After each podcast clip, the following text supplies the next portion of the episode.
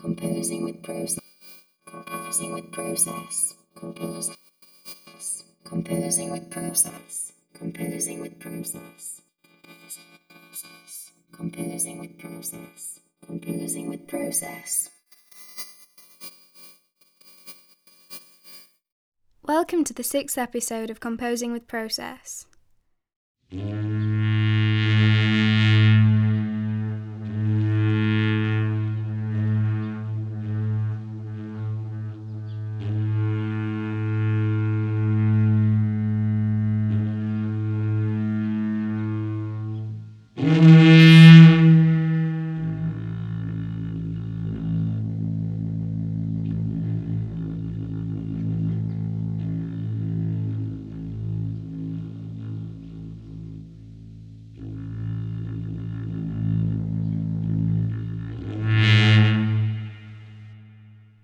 Time, space, and music are inextricably linked. Just as music can be described as an art of time, it can also be described as an art of space. Sound can be described as a sequence of pressure waves that propagate through a compressible medium such as water or air. Sound can be reflected, refracted, or attenuated by different materials in the environment, such as walls or other objects. When we perceive sound, we not only hear the direct sound, we also hear the effect of the space, materials, and objects within it upon that sound.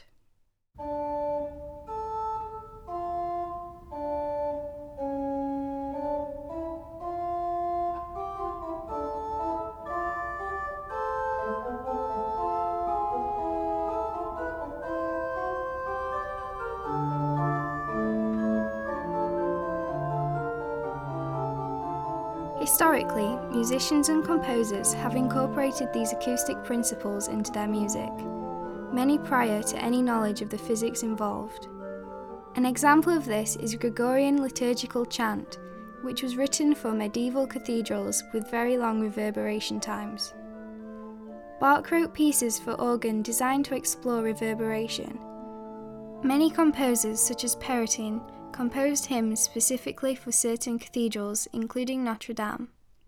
Recent findings in archaeology suggest that some Neolithic burial sites display unusual acoustic properties. At Newgrange, a prehistoric burial mound located in Ireland, archaeologist Aaron Watson and acoustician David Keating experimented with sound in the central chamber. They found that some frequencies resonate to produce standing waves. A standing wave occurs when the wavelength of a sound is related to the dimensions of the space. It is thought that the people who use these sites for religious ceremonies would have utilized this phenomenon. Acoustic studies carried out by Igor Reznikov and Michel Dauvois in prehistoric caves near the French Pyrenees suggest that people who lived there 20,000 years ago were aware of areas in the cave which produced strong resonant responses. After testing different notes with their voices, they produced a map of resonance of the caves and found that cave paintings were clustered around these points. They also found that there were more paintings at locations with the strongest resonance. Chris Scarre from the Department of Archaeology at the University of Cambridge says Drums, flutes, and whistles may have been used in cave rituals, Bone flutes have been found at several Paleolithic sites in Europe of roughly the same age as the paintings. The potential of cave resonance would, however, be elicited only by the much greater range of the human voice.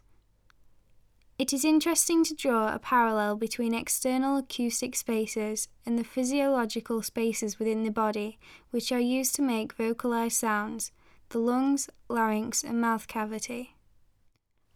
For example, in overtone chanting, as practiced in Mongolia and Tibet, the singer manipulates resonances, or formants, to produce melodies. The partials of a sound wave made by the vocal cords can be selectively amplified by changing the shape and size of the resonant cavities inside the mouth and the larynx.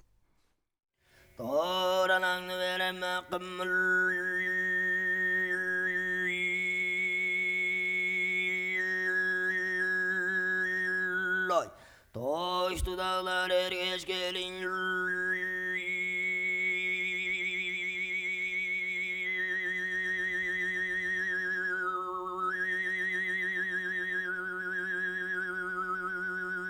lay almalı jüngeç otara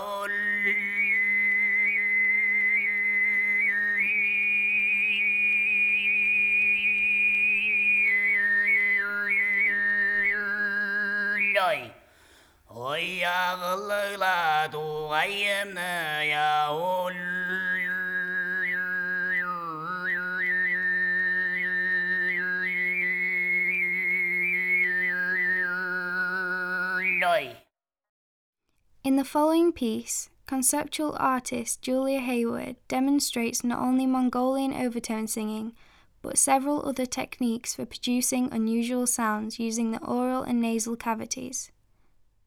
In the first section, we can hear overtone singing. In the second section, she practices yodeling. Here, the sound is produced primarily in the back of the throat Modulation is achieved by changing the shape of the mouth cavity and also by breathing at different rates. Towards the middle of the piece, Heyward uses her nose flute technique, where sound is projected through her nasal cavity la la la la la la la la la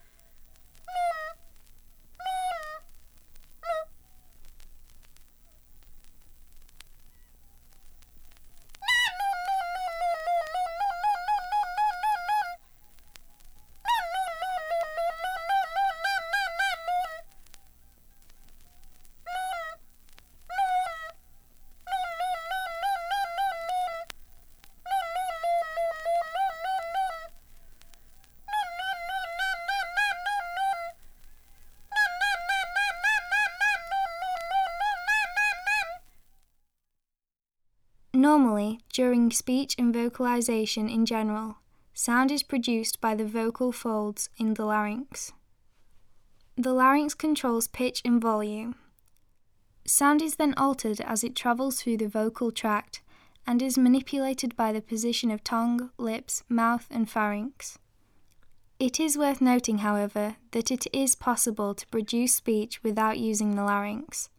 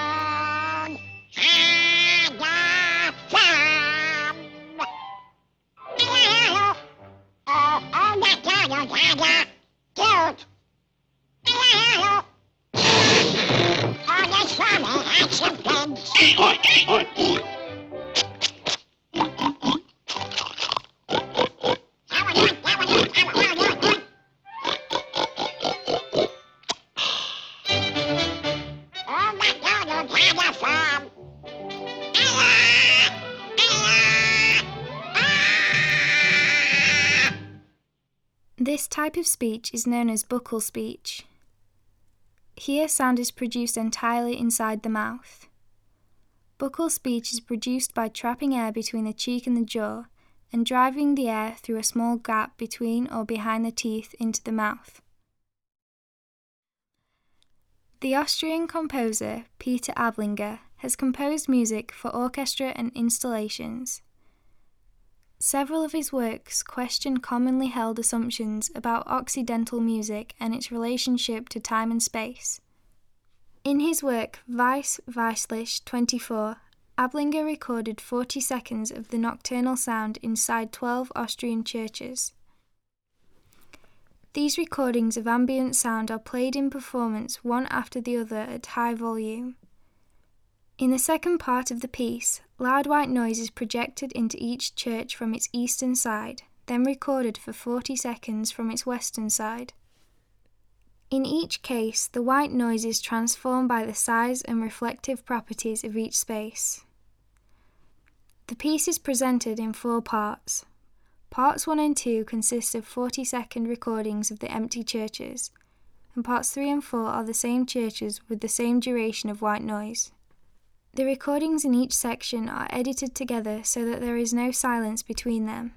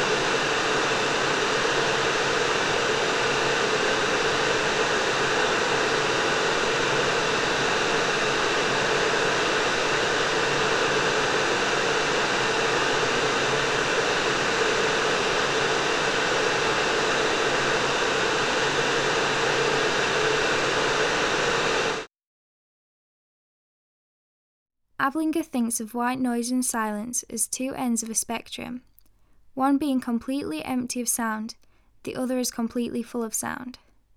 He uses these extremes to foreground the character of the space itself. Here, therefore, the space becomes both the instrument and the music itself. Despite existing at extremes of a spectrum, both silence and noise take on similar characteristics in Ablinger's works. Agostino Di Scipio is an Italian composer whose work explores the real time sonic interaction between performers, machines, and environments.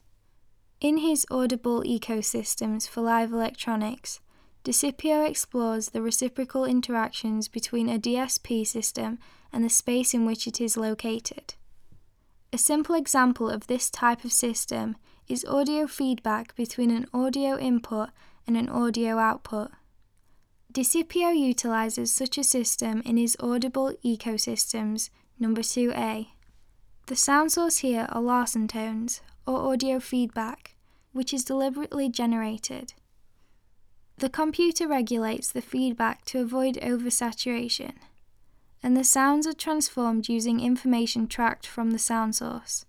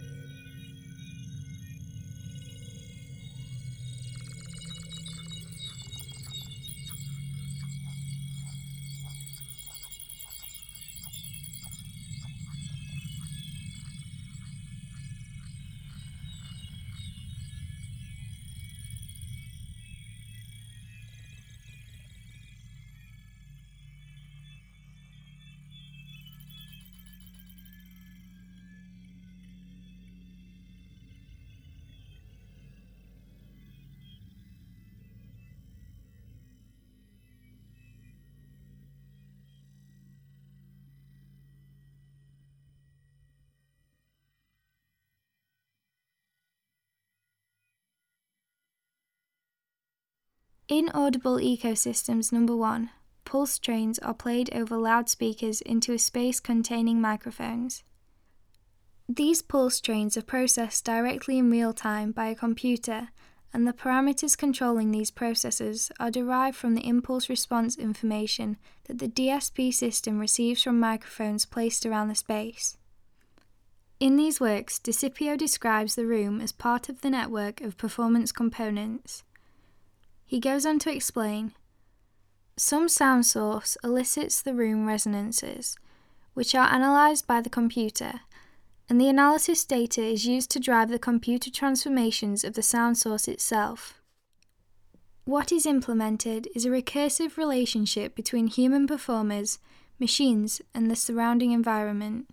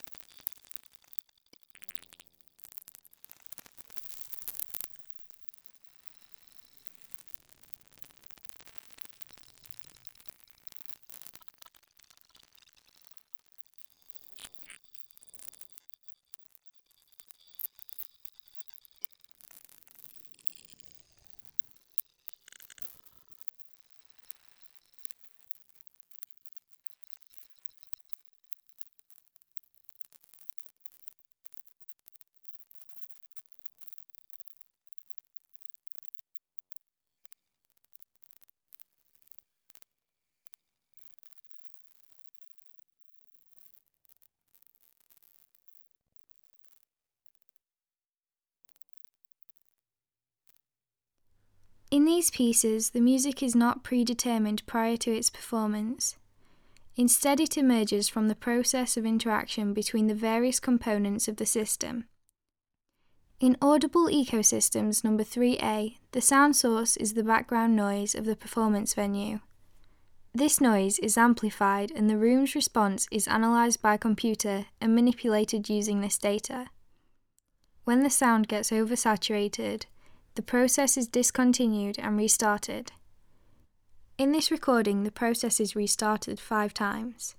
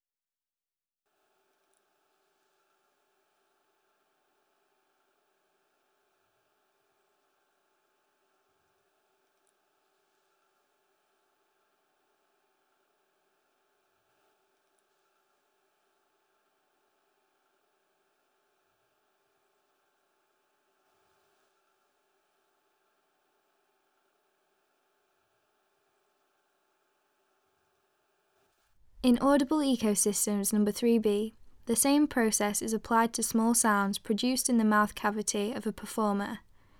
Di Scipio explains the process.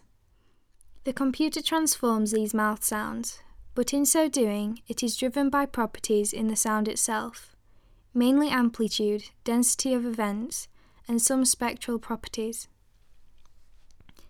The analysis data then drives simple filters and granular transformations of the mouth sound. When the performer changes the mouth posture, the resonances of the vocal tract cavities change, and the computer adapts to the new situation.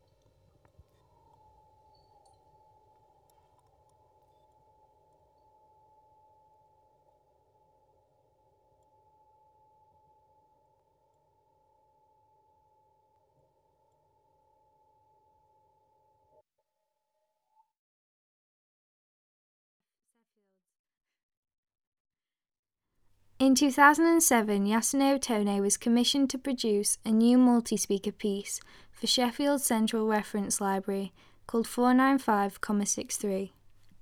The title was taken from the reference number of a Chinese dictionary which Tone chose from the shelves. Using a graphics tablet, he transcribed characters from this book which were projected over four screens. For the piece, Tone developed an earlier work, where a composite sound was created from loops of different durations. This was split up into different frequency bands, each of which was routed to an individual speaker. As Tone transcribed characters, the length of each stroke was measured and used to determine which speaker would be subject to ring modulation. In this piece, therefore, there are two responses to the space. Firstly, specific frequency components were given a spatial position. Secondly, the strokes used in a character generated a spatial pattern quite different from the character's two dimensional form. Here is an excerpt from this piece, which originally lasted two hours.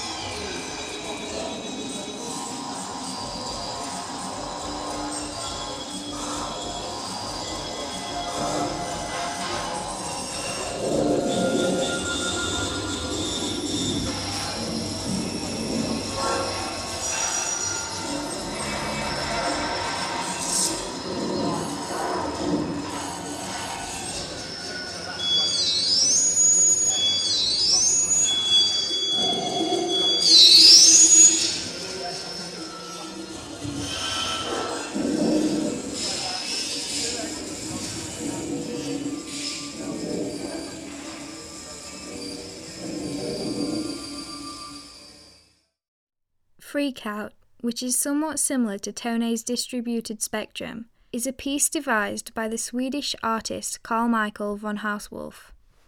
Here, 12 artists are given a specific frequency range to work within, and each is given their own loudspeaker. Yet the frequency zone also has a commensurate spatial zone that the artist is able to investigate. An effect of the work is to demonstrate the space specific nature of sound and frequency. Using the environment's resonant personality, some sounds can be separated from their source and thrown around the space. The writer Brandon LaBelle has written The acoustical interplay between sound and space is more than a physical fact.